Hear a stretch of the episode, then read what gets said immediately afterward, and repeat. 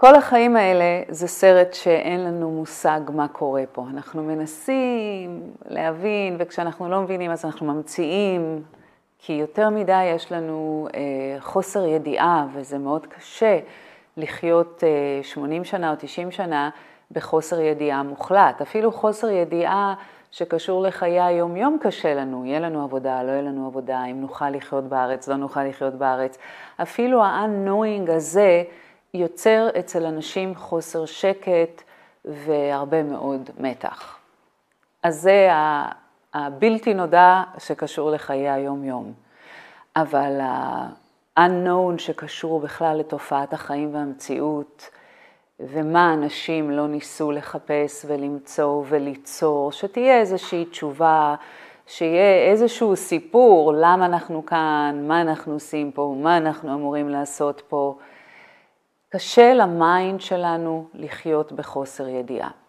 וברגע שאנחנו משחררים את זה ומגיעים למקום הזה של לעולם לא נדע, אני באמת רוב שנות חיי הצעירים עסקתי בלחפש את התשובה, את התשובה המוחלטת, מה קורה פה, למה אני כאן, למה החיים שלי שונים מאנשים אחרים, יש משמעות, אין משמעות, האם אני אמורה לעשות פה משהו, האם יש לי ייעוד, וזה יצר כל כך הרבה חוסר שקט וחרשתי את העולם, נסעתי למקומות, חיפשתי מורים, קראתי ספרים, עשיתי סדנאות, עשיתי קורסים, עישנתי סמים, בלעתי סמים, אני רוצה להבין מה קורה פה, אני רוצה להבין מי אני, מה אני, למה אני פה וכולי.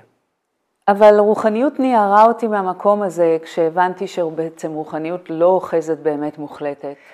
שבעצם כל הרוחניות, כל השבילים של הרוחניות שהתפתחו הם רק כדי לתת לנו כלים כדי להתמודד עם החורים השחורים האלה של האי ידיעה ועתיד שאין לנו מושג מה הוא יביא ויש משמעות, אין משמעות וכולי. וברגע ששחררתי, לקח לי זמן האמת, זה לא היה ביום אחד כי הייתה לי כל הזמן תחושה שמישהו כן יודע מה קורה פה.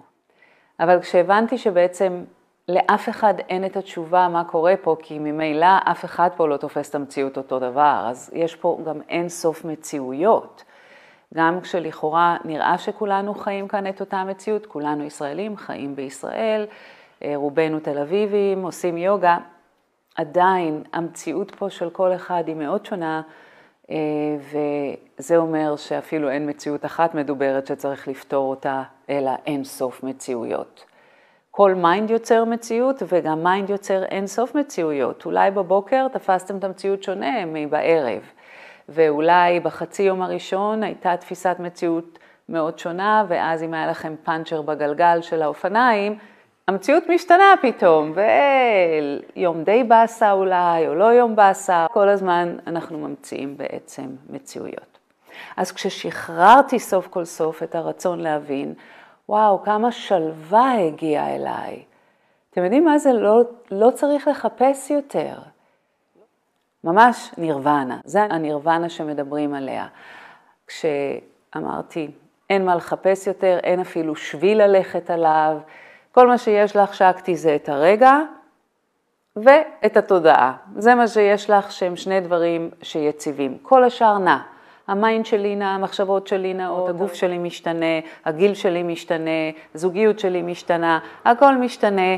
מה שלא משתנה זה הרגע, יש רגע, והתודעה. טוב, אז זה סגרתי עניין ככה בשנות ה-20 המאוחרות שלי, והיה לי שקט.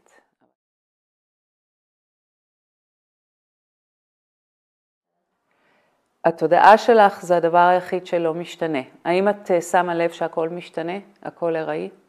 כן. האם יש תופעה אחת שלא משתנה? כדי שאת תגידי שהכל משתנה, משהו בך צריך להיות לא משתנה. כי אם את גם היית משתנה עם כל השינויים, לא היית רואה שהכל משתנה. אז אם את מצליחה לחוות שכל התופעות סביבנו, כולן, ללא יוצא מן הכלל, כולל הגוף שלך והמיינד שלך והמחשבות שלך, הכל משתנה, זה אומר שיש בנו משהו שלא משתנה, שרואה את השינויים. זה התודעה. אז תודעה זה מודעות. מעבר לזה אני לא אני לא אגיד לך יותר. יש אנשים שממשיכים, זה נשמה, אני לא מתחברת לדברים האלה. זה מצפון, זה נשמה, לא, זה... תודעה. תודעה זה הדבר היחיד שלא משתנה, ולכן התודעה, קוראים לזה the observer, the ultimate observer, המתבונן העילאי, זה הדבר היחיד שלא משתנה, ולכן את רואה את כל השינויים. את מתבוננת ורואה את כל השינויים. לקראת uh, שנות ה-30 שלי, הבנתי שאין לי מה לחפש יותר, זה היה שחרור כזה גדול, ולא הייתי צריכה לבזבז יותר כרטיסים לטיסות לכל מיני מדינות שאמרו לי ששם יש מורה ושם יש מורה ושם יש מורה. אין. כמו שבזה נאמר, מגיע שלב בחיים שבמקום לרוץ אחרי החיים, אתם יושבים, כמו במדיטציה, והחיים חולפים לפניכם. אין לאן ללכת יותר.